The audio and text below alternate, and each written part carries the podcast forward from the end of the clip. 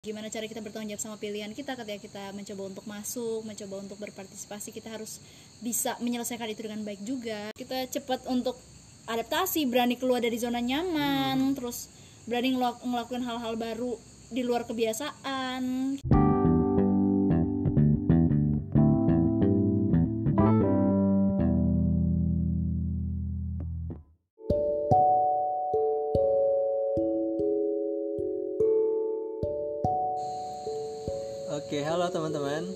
Lagi di podcastnya Hijrah. Hai ketemu lagi sama aku. Dan kali ini episode berbagi cerita.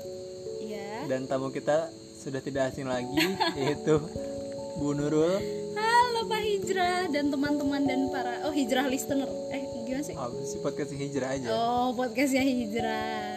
Iya iya iya. Nah, sekarang kita mau ngebahas topik yang cukup menarik sih ya Oh, di iya. anak-anak kuliahan oh sih? iya sih bener Dan yang mau kuliah betul yaitu organisasi. waduh Jadi kan kita juga punya pengalaman di situ ya, Iya, ketika zaman kuliah. Ya kita ngebem, ada yang juga di hima, ada yang di eh, apa sih UKM segala macam. KM iya iya Nah boleh bu, gimana ceritain dong pengalaman lu di organisasi selama kuliah? Oke, Kayak panjang banget ya kalau gue ceritain. Iya. Singkat aja. Ya dan lu dapet apa aja gitu gitu. Hai guys. Kayak gak usah kenalan lagi ya. Kayaknya Iya, udah pada kenal udah deh kenal, sama gue. Jadi pengalaman organisasi gue apa ya? Hmm, gue memulai organisasi itu di tingkat pertama kuliah. Jadi Hmm.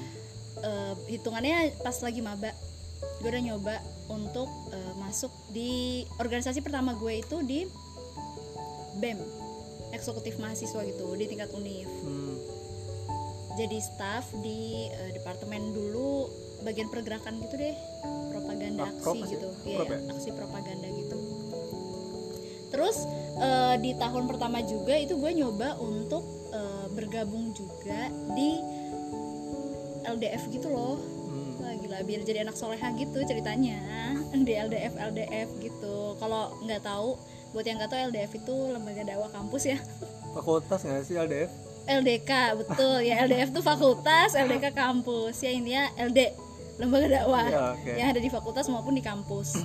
Terus sebenarnya hitungannya gue tuh awal kuliah tuh cukup banyak mengambil organisasi ya.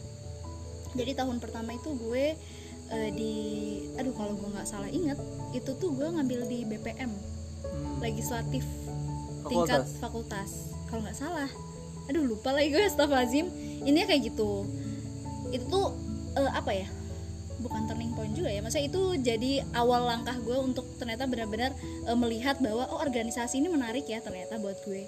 Yang ngerasa masuk ke lautan tuh kayaknya gue kesasar banget nih gitu. Kuliahnya masuk ke lautan terus gue menemukan eh, zona zona nyaman dan gue merasakan kenyamanan dan ketertarikan di organisasi. Makanya tahun-tahun selanjutnya gue eh, melanjutkan ke organisasi baik itu di tingkat himpunan himpunan di tingkat jurusan terus eh, lembaga legislatif tingkat universitas juga gue coba terus lembaga dakwah yang di fakultas maupun di universitas terus eh, gue juga pernah mencoba di eksekutif ya Pak Hijrah kita bareng dulu jadi guys Hijrah ini partner aku di waktu mencalonkan diri jadi eh, ketua dan wakil ketua Badan Eksekutif Mahasiswa FPIK Unpad. Aduh aduh. Aduh, tapi gagal ya. tapi gagal dan eh, itu jadi apa ya? Itu juga hal menarik yang selalu gue ingat sampai sekarang bahwa eh, apa ya? Ternyata ternyata tidak mudah sebenarnya untuk ada sampai di titik menjadi pemimpin satu organisasi Iya. itu wah mentalnya juga aduh dimakan habis-habisan di situ Iya. itu itu jadi pengalaman mungkin salah satu pengalaman organisasi gue yang nggak akan mungkin gue lupain tuh ya pas gue mencalonkan diri bareng Pak Hijrah sih karena itu ceritanya banyak dan eh, bahasanya gue bener-bener yang mengambil peran di situ gitu. Dan itu kayak kita berdua banget gak sih pak? Iya iya. Eh, enggak sih meskipun ada tim ses ya guys. Cuma ya menyusun semuanya berdua gitu. Jadi ya cukup eh, menantang dan cukup banyak membawa pelajaran sih buat gue. Tapi kalau misalkan lu ditanya atau misalkan lu bisa menyarankan nih apa? sepenting apa sih organisasi di kuliahan? Kalau ditanya sepenting apa itu balik lagi ke orang kali ya. Mungkin eh, mereka punya orientasi khusus gitu ketika masuk kuliah. Mungkin ada yang pengen jadi anak organisatoris ada atau ada yang eh, mau jadi akademis gitu atau yang pengennya ya udah kuliah aja gitu kuliah terus pulang gitu itu baik lagi ke masing-masing orang ya pengennya apa tapi eh, kalau gue ditanya menyarankan untuk organisasi eh, buat gue yang suka organisasi ya itu penting banget sih karena banyak banget sebenarnya pelajaran-pelajaran soft skill soft skill yang kita nggak dapetin di eh, kelas ketika kuliah. Itu banyak gue dapetin di organisasi baik itu tingkat jurusan di himpunan sampai di tingkat universitas kayak gitu. Dan eh, apa ya mungkin itu jadi privilege kita sebagai mahasiswa untuk aktif di organisasi gitu loh. Iya iya. Kayaknya kita kok hmm, apa ya kalau nggak jadi mahasiswa juga nggak tahu bisa ikut bem atau enggak gitu Iya. ya kan dan ketika jadi mahasiswa dan aktif di organisasi itu rasanya gue merasa gue jadi mahasiswa seutuhnya nih gitu. Iya. apalagi yang kayak bisa merasakan eh, apa ya aksi-aksi gitu aksi-aksi turun ke jalan gitu. Demo ya. Demo-demo ke pemerintah wah itu wah itu bener-bener kerasa banget. Wah mahasiswa nih gue yang biasa dulu SMA SMP gue nonton ngapain sih mahasiswa?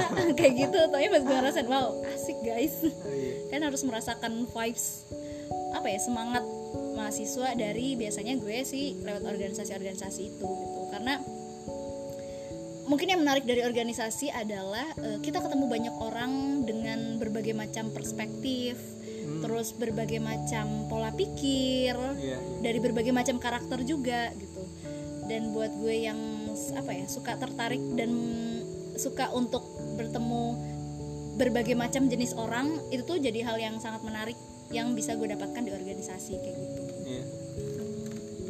Tapi emang ini nggak sih kayak kalau misalkan gue ngerasa ketika kuliah doang dan kan kita kan sering presentasi di kelas contohnya ya. iya Kalau gue nggak ikutan organisasi, kayaknya gue nggak bisa ngomong di depan sebis sebaik eh apa ya?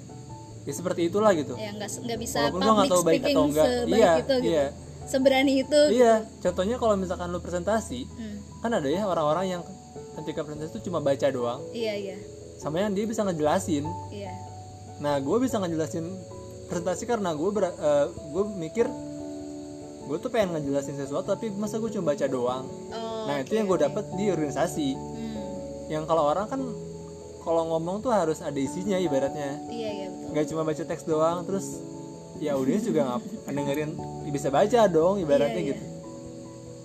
Itu sih yang gue dapet hal kecilnya ya. Iya iya. Kalau lu organisasi apa aja tuh? Karena lu juga kan gue liat-liat organisatoris juga nih kayaknya anaknya nih. Gue sebenarnya orang yang telat untuk berorga- berorganisasi sih. Iya sih, lu juga gak masuk himpunan. Iya. Tapi gue di awal gue aktif banget di ini paguyuban Hmm, iya iya, paguyuban Sukabumi. Sukabumi iya musi musi. Oh, musi. Jadi gue eh bukan sempat emang gue dari awal tuh seneng banget karena kegiatannya kan kita ketemu teman-teman dari satu daerah ya Iya. yang ya kita bisa ngobrol sama daerah eh sama orang daerah tuh ketemu kayak lagi di rumah gitu loh. Iya iya iya. Kayak ketemu tetangga aja iya gitu. kayak gitu. Lu ngomongin sekolah mana nih yang lu tahu gitu Iya ibaratnya. iya. Jadi wah seru banget. Dan itu gue awal posisi kan belum bisa menerima juga ya gue kecebur di perikanan. Jadi Kalau mimpinya di mana? ITB. Aduh, deket tetangga-tetangga. Tetangga. Kepleset dikit lah. Iya jadi yang gue dapet walaupun gua, eh, organisasi paguyuban tuh nggak se apa ya bahasnya nggak seper gak bermacam-macam apa sih namanya Apa? Bermacam-macam Paguyuban tuh nggak se apa ya? Mungkin nggak seheterogen itu. gitu iya ya. nggak seheterogen ya, kayak di bem di hima segala macam lah Iya. tapi ya gue dapet itunya contohnya bisa ngomong di depan bisa menjelaskan Ya, sesederhana untuk public speaking aja iya gitu iya ya. Dan baru pas tahun kedua kayaknya deh baru mulai gue ikutan LDF terus ikutan UKM Ah, iya. Git ngebem juga ya intinya pas udah gua udah gua menyerah mencoba di ITB baru gua coba aktif di gitu. organisasi gitu lu realize misalnya gue gak bisa nih kayak masuk ITB nih kayak gak Iya. cocok deh gue iya tapi intinya pas gue dapet pengalaman di BEM terus di UKM dan di LDF ya banyak hal juga sih ketika lu diskusi sama orang nih. Iya. Itu kan ilmu yang lu dapet di kuliah tuh nggak sedalam itu gitu. Iya iya. Contohnya kayak lu kerja kelompok juga. Kayaknya bahasanya nggak se sekompleks itu iya. ya kayak lu nggak ada nggak ada bantahan gitu. Misalkan lu nggak ada materi pro ini. iya gitu. iya. Kan kalau di di BEM segala macam kan ada gue nggak setuju nih gini gini nih gimana menurut lu gitu kan? Mungkin karena kita di ini pak di kelaut eh di kelautan perikanan yang ilmu pasti. Kalau ilmu sosial mungkin oh iya iya. mungkin ilmu Iya. sosial juga pasti mereka ada pro kontra kan? Iya kalau iya. kita kan pasti ya. Oh iya iya juga sih. Iya kan? Ya, tapi pada intinya gue ngerasa ya bersyukurnya ketika gue bisa kayak gitu Iya. ada yang nggak setuju ya gue bisa sampaikan. Ketika gue nggak diterima sama orang ya ya udah gitu. Iya iya. Itu yang gue dapat dari organisa- orga- organisasi gitu. Wah iya. Benar banget lagi kayak gue tuh belajar ini loh kayak apa ya menghargai perbedaan Ah. wah menghargai perbedaan banget, banget banget. Gue ngerasa kayak kayak yang benar-benar apalagi gue nggak tahu ya mungkin eh, ini pengalaman gue pribadi ya. Setiap gue di organisasi tuh gue ngerasa emang karena kebetulan kita hitungannya rumpunnya agrokomplek dan ilmu pasti ya. Jadi ketemu sama banyak orang yang eh banyak anak-anak dari ilmu sosial gitu Eh, apa ya beda aja gitu pola Iya, pikirnya beda. iya, jadi bener, bener. eh, itu tuh selalu menarik buat gue untuk iya. iya ngobrol dan cari tahu mereka tuh apa ya apa ada di pikiran mereka tuh kayak gimana Iya. sih gitu. Itu biasanya menarik banget ketika mendengarkan mereka diskusi. Beda banget sih ya beda banget. Iya. vibesnya tuh beda banget. Ah, jadi gue nggak bisa merasakan itu di kelas gitu Iya, loh. iya. itu yang Iya, bikin gue kayak selalu tertarik di organisasi gitu. Di mana pun berorganisasi gue ngerasa eh, hal-hal itu pasti gue dapetin gitu. Mhm. Dan gue kan sempat ini ya ikutan KPM oh iya. Protokoler mahasiswa. Iya kayak jadi MC gitu.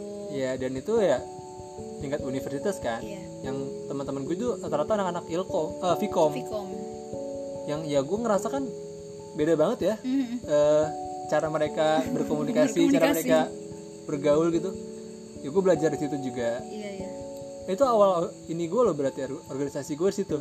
Oh, P- eh, apa KPM KPM, KPM ya? Hmm, itu kapan sih lo tahun pertama kuliah. Oh, pas iya? zaman masih ospek. Oh iya ya? Iya serius. Oh iya gue baru inget Oh, juga. iya ya?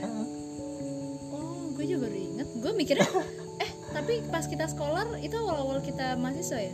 Eh mahasiswa kita pas maba ya sekolah itu gue udah udah KPM pas sekolah tuh? Oh iya ya benar lu udah iya masuk semester KPM. awal masuk. Gitu Gila. sini ya. Mungkin organisasi yang gak gue ikutin di kampus tuh UKM UKM itu lah yang UKM kampus. Heeh. Oh, lu Yang nggak ikut? univ gak ikut sama sekali Oh. padahal gue pengen banget seru loh ternyata emang emang seru kayak karena kan sekre misalnya sekre bem Ah. sekre bpm kan tetanggaan ya itu Iya. kerasa banget Iya, kayak yang apa ya mungkin kayak anak paguyuban juga Iya. bahasanya kayak yang seklop itu gitu Iya. antar orang-orangnya dan eh, mungkin salah satu penyesalan gue sayang banget ya gue nggak ikut gitu sebenarnya gue pengen banget ikut cuma gue tahu gue terlalu sibuk bukan sibuk sih lebih ke banyak menyibukkan diri jadi Ah. fokus gue lebih banyak sejujurnya gue lebih banyak ke organisasi dibanding kul- kuliah ya. Hmm. jadi kayaknya eh, itu juga jadi salah satu hal yang perlu kalian pelajari juga guys gimana caranya untuk membagi waktu nih. Manajemen waktu. Eh, manajemen waktu buat nggak yang karena eh, apa ya mungkin gue merasa jiwa muda gue sedang bergejolak. Jadi pengen ikut semuanya gitu merasakan semuanya rasa penasaran gue kayaknya terlalu apa ya over sampai gue nggak sadar limit gue tuh sampai mana untuk eh, bisa membatasi itu. Dan itu juga harus apa ya perlu kalian eh, sadari dari awal sebesar apa kemampuan teman-teman. Terus kalian tuh mampunya se- seberapa banyak organisasi yang bisa kalian pegang.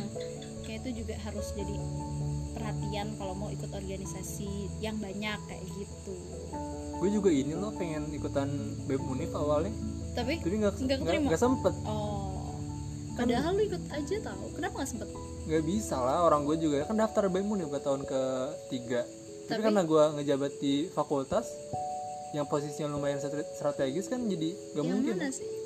Oh yang, Yang kita gua- gagal itu? Heeh, kan Lu daftar jadi apa sih? gue lupa apa ya. Oh. Pio gitu. Pio ya? Hah. orang kaya lu Pio. Ya intinya Pio gue pengen apa sih pengembangan internal internal organisasi lah ya. Intinya gue pengen mencoba dapat hal di luar fakultas kan tapi belum bisa. Terus juga ini gak sih kalau menurut gue untuk orang-orang yang pengen di zona nyaman gitu ya iya. susah loh untuk dia pengen ikutan organisasi. Karena dia ngerasa kuliah aja tuh udah cukup capek atau udah, Iya, udah iya, cukup ya udahlah gitu. Iya betul. Jadi kalau menurut gue ketika lu pengen ikutan organisasi ya awalnya lo harus mencoba mendobrak itu loh. Iya keluar dari comfort zone keluar dari comfort zone. Itu itu juga jadi pembelajaran loh sebenarnya buat gue. Ah, hmm. kayak mungkin itu juga jadi salah satu pembelajaran besar buat gue sehingga sehingga bahasa gue formal banget. Sehingga eh, aduh apa pokoknya jadi gue tuh jadi lebih mudah untuk beradaptasi di lingkungan baru. Hmm, itu gue belajar dari organisasi banget. Iya iya banget iya. Lagi. iya Kayak kan gue ke Jogja ke sini ya Iya, gue kan kerja tanpa ada kenalan aduh gila kan gue harus juga. bisa beradaptasi banget. Dengan bahasanya gimana mas hijrah? Panggilan mas mbak Ah, iya banget lagi gue iya kan? Iya iya. Gue tuh belajar banyak terkait dengan adaptasi tuh di organisasi. Iya benar-benar jadi gue merasa gue pede nih kalau gue bilang gue orang yang cekep eh cekep. Orang yang cukup cepat beradaptasi di lingkungan itu karena eh, di setiap organisasi tuh gue belajar banyak akan akan karena itu ketemu gitu. banyak orang baru ketemu lagi. banyak orang baru selalu Iya, setiap iya, tahunnya iya banget, gitu. iya. Itu yang tuh itu kalau di kelas nggak dapet. Iyalah kalau misalnya temennya itu, kan, itu aja. iya di kelas kan nggak pernah ganti kelas nggak sih iya kalau gue jelas dari Iya kan? tingkat satu sampai iya tingkat itu- empat. iya bener. Iya baru ngerasain lagi. Iya kan? Kerasa banget tuh.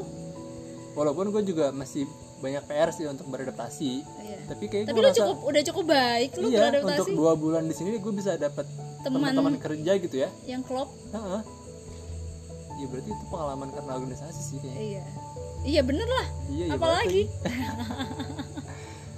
tapi gue merasakan selain organisasi itu selain ya tadi apa ya eh, apa ya selain banyak hal yang gue dapatkan gue tuh bisa memberi banyak gitu loh. Gue Iya, ngerasa iya. kayak sebenarnya mungkin dari awal tujuan gue organisasi tuh gue tidak melihat gue masuk mananya ya. Hmm.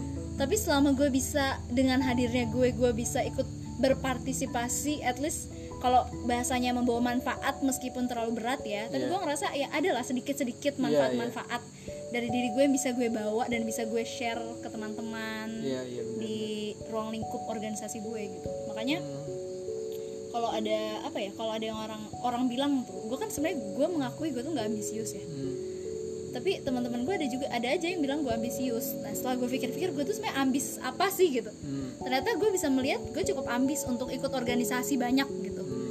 Karena eh, ya gue ngerasa gue kan gak jago banget ya di kelautan. Maksudnya gue tidak sepintar itu dan sesmart itu. Iya gue juga sih ngerasa. jadi jadi ya gue kayaknya ilmu gue kayak gue share-nya di organisasi aja deh. Iya iya. gitu.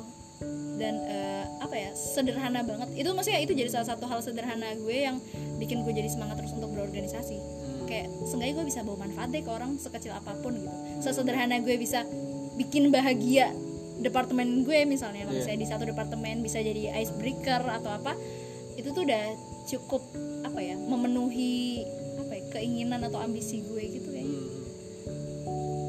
kayak gitu pak aduh berat banget lagi kita ngomongin organisasi kayak kalian harus nyobain deh maksudnya momen ini tuh sekali seumur hidup maksudnya untuk Iya, anak-anak yang kuliahan ini tuh momen-momen kuliah Yang tuh gratis nggak Uh-uh. sih? Gratis lu bisa ikut mana aja iya gitu. momen-momen eh, apa ya kendali hidup kalian tuh ada di tangan Ya. kalian gitu loh kalian bebas mau melakukan apa pun selama itu baik ya Eh tapi kalau misalkan dia tinggal sama orang tua kayaknya susah juga sih. eh, enggak juga loh kalau misalnya dia bisa komunikasi baik sama orang Oh, tua iya. dan menjelaskan bahwa aku ikut ini mah pah gitu Oh iya iya. demi keberhasilanku nanti eh karena sebenarnya ya kalau misalnya di kerjaan kayaknya banyak banyak pekerjaan yang melihatnya tuh terlepas dari IPK soft skill deh Bener. Itu apa ya? Jadi salah satu penilaian Iya, yang utama iya, gitu nggak iya, sih iya. kayak gimana caranya kalian apa ya eh, di misalnya kayak interview aja kepercayaan diri kalian Iya. gitu gimana cara kalian menyampaikan tentang diri kalian itu tuh gue dapetnya kan di organisasi ya kayak pas kita wawancara gue Iya. belajar banget pas interview tuh gue kayak recall pas lagi wawancara organisasi gitu loh Ah. pas kemarin wawancara kayak oh ternyata nggak sia-sia selama ini gue diwawancara masuk organisasi gitu Tapi gue juga kayaknya ngerasa gue bisa sepercaya diri sepercaya diri ini karena pernah pengalaman di organisasi sih. iya ya Kayaknya kalau gue kuliah doang gitu dan wawasan gue nggak seluas gitu bisa jadi gue kurang percaya diri gitu. Iya gue juga lagi Karena gue gak pede banget Masih gue kan kelautan ya Tapi kalau gue ditanya tentang laut-laut Gue juga gak jago-jago banget Sama sama. Jadi yang bikin gue pede itu ya karena Punya gue- pengalaman. Iya punya pengalaman di organisasi Yang bikin gue kayak pede aja ngomong Iya iya. Iya bener banget sih. Iya kan ya Astagfirullah Jangan Terus tuh untungnya gue ini sih? Kayak IPK gue masih aman, masih tiga lah. Iya oke sama. Jadi ketika gue organisasi tuh IPK gue juga nggak jatuh-jatuh amat, nggak jatuh malah. Iya. Gue cenderung naik loh, Oh iya? Serius.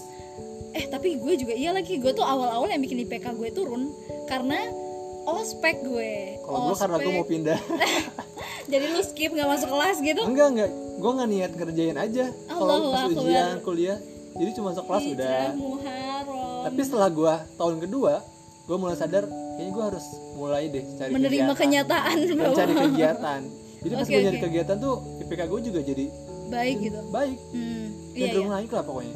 Gue juga soalnya gue yang bikin gue turun banget tuh yang bikin gue eh yang selalu gue inget yang awal-awal. Gue ospek. eh, ospek terus praktikum praktikum ya. Iya iya sih praktikum. Itu juga yang alhamdulillah bikin capek gitu. Ya udahlah ya. tapi ya so far sih eh, so good lah. Nah, nggak jelek-jelek banget. Ya cukup lah. Iya iya. Di atas ambang. Pokoknya di atas tiga tuh udah udah aman lah ya. Aman. buat anak kalau gue pribadi ya Iya, iya. sebagai gue mengaku gue anak organisatoris gitu di, di S3 tuh udah aman banget lagi. Dan untuk gue yang gak niat kuliah di awal. IPK tiga tuh kayak orang-orang ngeliatnya tiga tuh udah kan teman-teman gue ada yang di bawah tiga kan? Iya. Gue kayak ah perasaan gue kuliah gak niat-niat amat nih kata gue oke oke aja nih. Iya.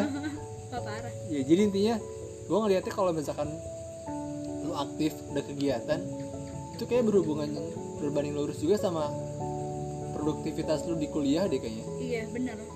Jadi lu bisa sedikit manajemen waktu juga karena Iya. belajar harus belajar gitu. ya, gue juga dipaksa belajar untuk memanage waktu tuh ya semenjak ikut organisasi karena gitu. banyak kegiatan kan Iya, lo harus ngatur kegiatan. kuliah eh belajar kapan lo harus ngatur kegiatan lo iya kapan nugas kapan Iya. gitu ngerjain proker kapan iya iya banget lagi Iya, gue juga kayak dan ya itu tadi yang gue bersyukurnya di organisasi itu karena mm, semua organisasi yang gue ikutin tuh selalu membawa dampak positif dan mereka selalu ada apa ya upgrading lah buat kita Hmm. staff-staffnya gitu. Iya. Jadi selalu ada ilmu-ilmu baru yang gak gue dapetin di kelas ya kayak masalah public speaking, yang kayak Iya. gimana ma- eh, manajemen emosi misalnya, terus gimana eh, time management juga, manajemen waktu itu yang gue dapetin di organisasi-organisasi yang gue dapet eh yang gue ikutin kayak gitu. tapi ada nggak sih lo tips-tips buat orang-orang nih yang Lu mau nanya gue tips. iya kan ada aja orang yang pengen pengen organisasi tapi dia masih bingung nih mau milih apa Mau milih apa? organisasi apa Hmm, ya ya. ada nggak dari Apa pengalaman lu aja Pengalaman lu. gue ya. Eh, mungkin kalau misalnya gue pribadi nggak bisa jadi patokan karena tadi gue tuh ikut organisasi tuh karena bukan ambisi untuk eh, suatu saat gue pengen deh jadi ketua BEM misalnya. Suatu saat pengen deh gue jadi eh, salah satu petinggi-petinggi di organisasi misalnya. Gue tuh emang ikut tuh karena pengen eh, ada di satu lingkungan baru aja gitu. Hmm, cuma yang yang gue dapetin itu ya sebisa mungkin eh, ketika kalian ikut organisasi itu kalian harus eh, tahu bahwa ketika kalian memberikan hak kalian ya eh sorry. Ketika kalian sudah melakukan kewajiban kalian setidaknya kalian sudah eh, kalian juga mendapatkan hak kalian gitu loh sebagai Iya. eh, orang yang ada dalam organisasi itu. Jangan sampai kalian tuh cuma ngebuang waktu aja di situ tapi kan nggak dapat apa-apa. Iya iya. Itu yang paling penting sebisa mungkin eh, ya karena gue percaya setiap kita ikut organisasi atau kegiatan pasti ada manfaatnya. Iya. Sekarang kan baik lagi ya ke kalian-kalian ke diri kita masing-masing. Iya. Kita eh, seberapa baik kita bisa ngambil manfaat itu Hmm, kalau misalnya di satu waktu kalian nggak ngerasa kok kayaknya organisasi ini eh, gue nggak bisa dapet nih manfaat dari organisasi ini ya eh, baiknya kan pikir-pikir lagi atau kan cari reason why-nya kenapa gue ikut ke sini kan oh dari awal tuh kalian sebisa mungkin harus tahu apa sih alasan terbesar kalian untuk ikut di satu kegiatan di satu organisasi gitu. Kalau emang masih nggak ada cari gitu terus cari. Karena gue juga nyari alasan kenapa sih gue mau ikut organisasi gitu. Sampai gue akhir kuliah juga eh, apa ya pertanyaan itu terus diulang sama gue kayak eh, kayaknya apa sih yang pengen gue kenapa ya? Kok gue mau menghabiskan waktu gue padahal gue nggak digaji gitu. Waktu gue terbuang sia-sia kayak gitu. Itu kan harus cari reason why-nya kenapa? Kan juga harus bisa mendapatkan eh, nggak cuma kalian memberi waktu kalian tapi juga kalian bisa mendapatkan manfaat dari organisasi yang kalian ikuti kayak gitu. Dan eh, sebisa mungkin apa ya memanage waktu ya. Karena itu apa ya issues banget buat anak-anak organisatoris gitu ya. Hmm. jadi masalah waktu apalagi buat yang banyak ikut kalau misalnya yang satu yang ikut cuma satu gitu eh, mungkin itu udah oke ya. Mereka udah cukup bisa manage waktu tapi kalau misalnya yang banyak dan ya kalau misalnya jabatannya eh, satu staff satu ketua tapi kalau misalnya jabatannya tinggi-tinggi di setiap organisasi itu juga jadi catatan. Dan eh, kalian harus benar-benar bisa membagi waktu kalian karena tadi tujuan awal kalian eh, masuk ke kampus adalah untuk berkuliah. Jadi kalian hal wajib yang kalian lakukan adalah eh, melaksanakan kewajiban kalian sebagai mahasiswa yang pastinya eh, apa ya UKT itu kan dibayarin orang tua ya meskipun mungkin ada yang tidak dibayarin atau gimana tapi setidaknya kita tetap bisa menjalankan kewajiban kita sebagai mahasiswa yang belajar di kelas. Itu jangan sampai ditinggalkan gitu kewajiban utama. Kalau gue ini awal ketika lu pengen organisasi tuh lu cari tahu dulu lu interest lu apa? Hmm, misalkan kalau misalkan emang lu seneng diskusi ya lu seneng eh, apa ya yang membuat perubahan segala macam Mhm. mungkin bisa di BEM atau lu Iya. senengnya kegiatan yang contohnya kayak misalkan musik di musik atau di apa pun itu kan ada UKM UKM iya iya iya. jadi kalau buat di awal sih menurut gue jangan asal ikut organisasi tapi coba lu cari tahu lu tuh interestnya di mana iya betul betul jadi biar nggak tengah-tengah jalan udah gitu jadi semangatnya tetap ada gitu ya. Iya. karena dari awal udah tau motivasi ikut ini karena Iya, iya. suka gitu. Hmm. kayak itu itu gak gue dapetin lagi. Karena gue random banget pak. Kayak gue tuh ikut apa apa tuh selama gue ngerasa gue bisa. Karena gue selalu tertantang untuk keluar dari zona nyaman ya. Nah, jadi ketika gue eh, ada hal baru kayak menarik nih buat gue makanya gue tuh kayak ikut aja gitu. Kalau sesuatu yang baru yang mau sampai bukan bidang gue banget kayak gue suka aja gitu ikut-ikut kayak gitu. Kalau gue ikutan awal-awal kan KPM ya? Iya.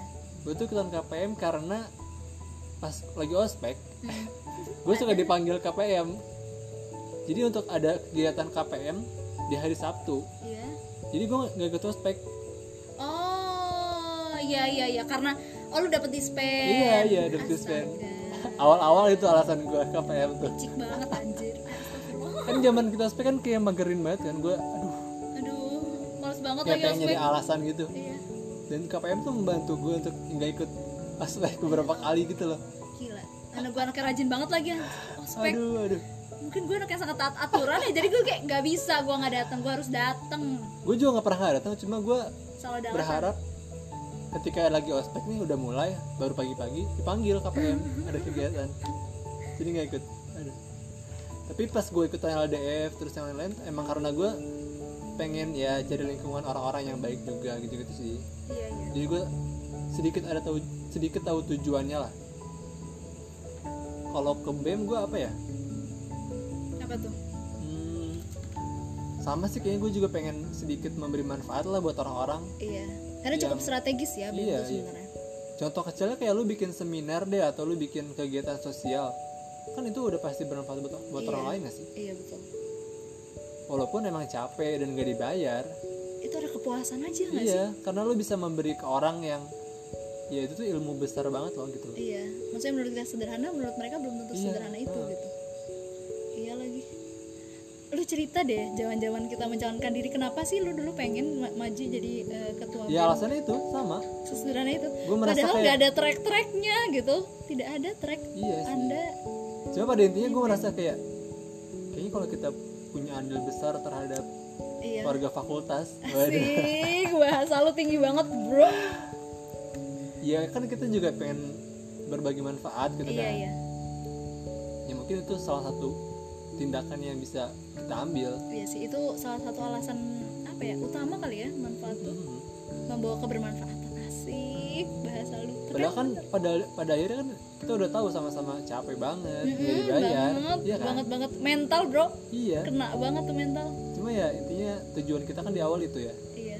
Jadi kalaupun kita nggak Nah, dapat itu tujuan lu kan? Lu apa ya? Iya sama. Tujuan lu ya? Udah kan sama. Nemenin lu kan? Iya kan? Kita kan udah ngomong di awal ya pengen ke sana ke sana ke sana intinya. Iya. Jadi walaupun emang kita nggak dapet ya mungkin belum waktunya aja. Iya toh pada akhirnya gue selalu percaya sih maksudnya eh, akan selalu ada jawaban di setiap kejadian gitu loh. Kayak gue selalu mempertanyakan kenapa ya kemarin gue nggak misalnya nggak menang gitu? Hmm.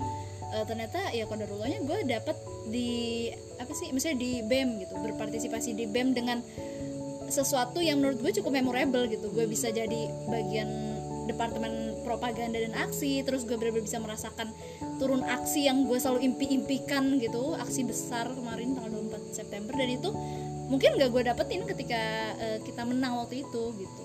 Dan eh gue juga ngeliat lu jadi kabit yang kayaknya bukan bidang lu banget tapi alhamdulillahnya baik tuh gitu. Berjalannya berjalan dengan baik gitu. Membawa manfaat juga kayak gitu. Sama sih kayak gue juga ngeliat ketika gue nggak diterima di ITB dan gue Iya. lanjut di Unpad ya gue bisa melihat hal baiknya sekarang sekarang gitu loh. Iya iya. Banyak hal yang ketika gue dapet kalau gue kalau gue nggak lanjut gitu kan kayak gue nggak bisa kayak sekarang gitu ibaratnya. Iya. Dan banyak hal yang kayak gitu sih gue ngelihatnya iya lu nggak akan bisa ketemu gue kalau gue gagal teman-teman, iya kan? Kalau gue gagal di sini ya sekarang tuh lu ambil hasilnya gitu Iya. contohnya. Lu kalau misalnya lu dulu di ITB lu nggak ke Jogja pak. Iya kan? Iya. iya pokoknya banyak hal yang ketika gue pikir-pikir kayaknya emang banyak alasan yang gue bisa ini gitu. Iya karena gue dulu nggak dapet. Iya gue juga kayak gitu lah kayak apa ya eh, relasi. Aduh organisasi tuh bener-bener ngebangun relasi banget iya guys. iya. Kayak yang eh, ini gue tuh punya konsep apa ya dunia tuh terasa sempit buat orang yang luas pertemanannya. Kayaknya semakin besar pertemanan lu ketika lu ke dunia belahan mana pun tuh Ada- pasti kayak ada. ada, aja yang sesirkel gitu loh. Iya iya. Kayak tiba-tiba ketemu terus tiba-tiba eh kenal ini nggak? Kenal itu nggak? Dan Iya, itu iya. tuh gue rasain banget di organisasi. Iya iya. Padahal lu juga tipe yang apa ya bahasnya ya? lu punya teman dekat banget gak sih? Nggak ada nggak ada kan? Nggak ada. Tapi ketika lu ketemu orang baru lu bisa kena bisa tahu eh bisa ngajak ngobrol kenal ini kenal ini gitu nggak sih? Iya iya yang lu kenal tapi Iya. ya kita nggak dekat sama orangnya itu padahal. Iya. Cuma pernah bahasanya kayak cuma pernah bersinggungan Iya, iya. pernah ketemu dikit ya gitu. jadi bahan bahasa basi lah. Iya itu Tapi- ternyata cukup bikin eh nggak salah nih gue Iya, masuk organisasi. Iya, iya. gitu loh. Apa ya, kelegaan tersendiri aja Iya, bisa bener, ketemu orang yang kenal sama orang yang sama Bener, bareng bener. sama kita. Iya Itu itu gue kerasa banget lagi. Kayak sampai sekarang aja di Jogja. Kayaknya gue waktu di tempat kerja gue yang sekarang juga gue ketemu orang yang kayak "Eh, kenal ini nggak? Kenal ini nggak? Ah, Hmm. ini teman kecil aku. Kayak wah gila. Dan dia sempit banget sumpah. Gue di Bandung dari Solo dia orang Solo. Tahu dong orang yang sama. Aduh kocak banget. Itu itu juga salah satu manfaat tuh yang bisa teman-teman ambil. Teman-teman Iya. dapatkan ya ketika memang benar-benar eh, apa ya benar-benar ikut berpartisipasi banget di organisasi dan terus ada di organisasi itu biasanya kalau ketemu banyak orang itu akan semakin memperluas jaringan iya iya. Tapi yang gue sayangin gue kurang aktif di kampus sih. Iya lu temennya fakultas ya. Nah kalau gue Iya. tuh malah jujur gue lebih aktif di kampus loh. Di jurusan tuh kayaknya gue nggak yang ini ini banget nggak yang kenal kenal Iya, banget. iya. paling ya teman-teman kelas kayaknya ada tingkat kakak tingkat juga nggak nggak nggak yang begitu deket banget gitu sama Hmm. gue. Tapi ya kalau kenal mah kenal. Tapi kan bener-bener deket tuh kayaknya emang cuma anak-anak kelas. Kayak sih kayak fakultas ya paling lulu aja terus sama anak-anak yang lain misalnya. Tapi untungnya gue pas di awal kan gue aktif di Paguyuban kan? Iya iya. Yang itu lingkupnya unik Besar, gitu ha. kampus. Jadi semua gue bisa bilang hampir semua jurusan di Unpad tuh ada teman gue gitu. Iya, gila, ngeri banget ya. Serius, suka, iya kan? anak karena Sukabumi, satu Sukabumi kan menyebar banget kan di Unpad Dunia. gitu ibaratnya. Iya, dan itu yang gue syukurin sih karena walaupun gue nggak aktif di BEM kampus tapi gue punya teman-teman seunif gitu karena Iya. gue di Paguyuban iya dari awal, iya lu udah punya saudara lah iya ya. iya jadi kalau gue main ke mana tuh ya ada teman gue di situ teman Sebenarnya pak, gue tuh awal-awal tuh juga ada di paguyuban gitu loh, Java apa gitu, Unpad. Pokoknya tentang eh, se- eh, se- paguyuban se Jawa Tengah, Jogja Jawa Tengah. Hmm. Cuma kan lu tahu ya, gue kan cuma tinggal doang di Jawa Tengah, Jadi nggak ada darah-darah Jawa Tengahnya gitu. Oh, oke jadi kalau ketemu tuh gue cuma bisa diam. Di saat orang-orang ngobrol pakai bahasa daerah dan merasa ketemu tetangga gue asing banget. Kalau gue enggak sih gue malah ketemu teman SD gue ya Allah Robi. Paguyuban kayak aduh ini mah kayak rumah gue banget. Iya. makanya ketika gue di Nangor tapi ketemu teman-teman rumah gitu rasanya. iya iya benar-benar. Gue nggak punya sedih banget gue nggak punya paguyuban. Itu sih yang gue syukurin di awal. Walaupun di akhirnya nggak terlalu ini sih. Iya. Udah udah nggak terlalu aktif lagi tapi iya tapi seenggaknya kan udah pernah kenal gitu. Iya iya. Dan apa ya itu tuh sangat-sangat eh, bukan sangat eh, sangat dibutuhkan juga dan meskipun nih kita ketemu kayak cuma sekilas-sekilas biasanya kalau kita minta bantuan tuh pasti Iya. akan dibantu. Iya iya bener banget sih. Itu. Berarti mungkin sa- satu hal penting dari organisasi itu relasi ya? Iya sih itu cukup penting sih kata gue dan kayaknya udah lo kerja nanti itu paling digunakan juga sih relasi tuh. Iya ketika lo punya relasi di mana-mana ya paling enggak iya paling enggak ada yang nawarin lo kerja deh gitu kan. Iya bener-bener bener. Karena gue ngeliat gue juga dapat nih dari kakak tingkat gue waktu gue ngechat gitu gitu kan kayak ngomongin kerjaan kerjaan dia bilang ya udah pokoknya sekarang kuncinya lu nyari relasi. Iya iya. Karena sebenarnya kayaknya pacarnya kerja kita tuh berpengaruh sama relasi kita. Iya gak sih? Walaupun gue sekarang di Jogja gak pakai relasi sih. Iya gue juga gue juga murni bro. murni. murni dari loker Jogja sama. Dateng terus gue interview. Gue dari Bandung nyari loker Jogja terus gue datang ke Jogja ke tanpa Jogja persiapan. tanpa bersiap random banget tiba-tiba bu gue mau ke Jogja ngapain interview? Gila lu random banget sih pak. Parah. Lu random itu. Ya bahkan semua orang kantor nanyain gue mas emang? Mas. Ya kan panggilan mas. Lu aneh banget nggak tuh pas pertama kali mas hijrah gitu. Aduh ya allah. Nggak tahu sih gue cuma panggilan mas tuh lebih sopan karena iya sih mungkin bisa, kok iya. iya kan? Kayak kayaknya mungkin di Jakarta juga ke senior juga Iya, mas mas iya. iya. jadi pas gue masuk kantor kayak semua orang tuh mempertanyakan yakin gue dari Bandung ke Jogja buat kerja di sini doang. Eh gue eh juga magang do- doang dua bulan. iya, gue juga mempertanyakan gila nih orang mau interview ngapain Inter ya kalau misalnya udah keterima ini mau interview. Eh, ya Itu dia. ampun persentase lu diterima kerja juga 50-50 gitu loh. Iya iya makanya gue pas orang-orang nanya sih. nanyain kan gue juga jadi mikir kok bisa gue ya? Nggak, lu Tapi- pengen ketemu gue kali. Enggak, tapi pada akhirnya ya gue dapet jawabannya. banget emang lu di Jogja ya? Kan lu masih di Danang waktu itu. Iya. Tapi kan lu tahu gue di Jogja. Ih. Rumahnya. Oh tapi ya kan lu lu nanya rumah gue. Oh yang waktu gue mau Iya, minta ini ya? Mau- iya. tapi kan gue nggak tahu lu Jogja kan awalnya kan? Emang gue bener-bener niat pengen ke Jogja aja nyari kerja. Iya iya. Iya tapi iya pada iya akhirnya gue dapet alasan kayak gue sekarang bisa bikin podcast contohnya ya. Wow. Karena gue ke Jogja. Iya ketemu orang-orang yang bisa motivasi hijrah. Iya. Dan ya teman-teman yang menurut gue banyak hal yang gue dapet gitu loh. Iya iya. Ya dan alasan awalnya juga karena gue pengen nyari yang di luar comfort zone itu sih. Iya iya. keluar karena kalau gue di Bandung terus yang gue udah tahu kan. Iya Sunda gitu ya lingkungan-lingkungan Sunda. Itu juga itu gue juga pelajaran banget ke sini gue kayak belajar bahasa Jawa. Yang Cirebon Cirebon tuh beda sama Jawa di sini loh. Beda loh beda banget. Iya serius. Cirebon tuh emang slang wordnya banyak gitu loh. Bahasa-bahasa gaulnya dia gue kalau di sini kan kalau ngomong ke orang misalkan eh, ngomong apa gitu kan orang bahasnya gi gi Nggih. matur Nuwun. soalnya Cirebon beda banget serius. Sumpah pak, gue tuh, aduh gue tuh kayak kalau keceplosan ngomong gue aja ngerasa berdosa banget gue. iya iya Gila parah. Iya, eh, gue gini-gini, gue tuh kayak yang Astagfirullahaladzim gitu. Gue istighfar gara-gara ngomong gue doang. Ya Iya Allah, asli. kayak ngomong aku kamu, mas. tapi kayaknya emang Jogja tuh sehalus itu orang-orang Iya bener-bener. Gue gue merasakan itu banget lagi kayak aduh ngomongnya tuh ayu-ayu banget, adem banget. Jadi gue tuh kalau ngomong yang ngegas tuh kayak Astagfirullah, tenang, tenang. gue tuh kayak harus dipaksa untuk jadi kalem gitu loh. aduh emang Gila, itu juga yang bikin apa ya yang bikin kita jadi bisa cepat adaptasi itu ya gue ngeliatnya karena organisasi itu sih. Iya benar-benar. Kita cepat untuk adaptasi berani keluar dari zona nyaman terus berani ngelak- ngelakuin hal-hal baru di luar kebiasaan kayak bikin podcast kayak gini gitu kan. Yang bukan gue banget Iya. sebenarnya. Boro-boro. Mau ceritanya susah banget terus dia dia bikin Tapi podcast dapat hal yang- hijrah ternyata gue bisa. Adalah gue nanya orang. Iya. gue ngajak orang ngobrol. Kayak semua orang bisa deh pak nanya orang. Enggak enggak semua. Serius. oke. Gue dapet kayak orang tuh semua orang suka suka ngomong. Tapi nggak semua orang bisa ngomong eh, apa mau untuk ngomong. Mau untuk cerita. Mau untuk cerita. Ngomong mah ngomong cerita. Mau untuk cerita. Jadi gue ternyata bisa untuk membuat orang cerita sama gue Eh, emang iya? Iya makanya gue bikin podcast. Serius? Gue berapa itu. banyak? Kenapa lu bisa ngomong kayak gitu?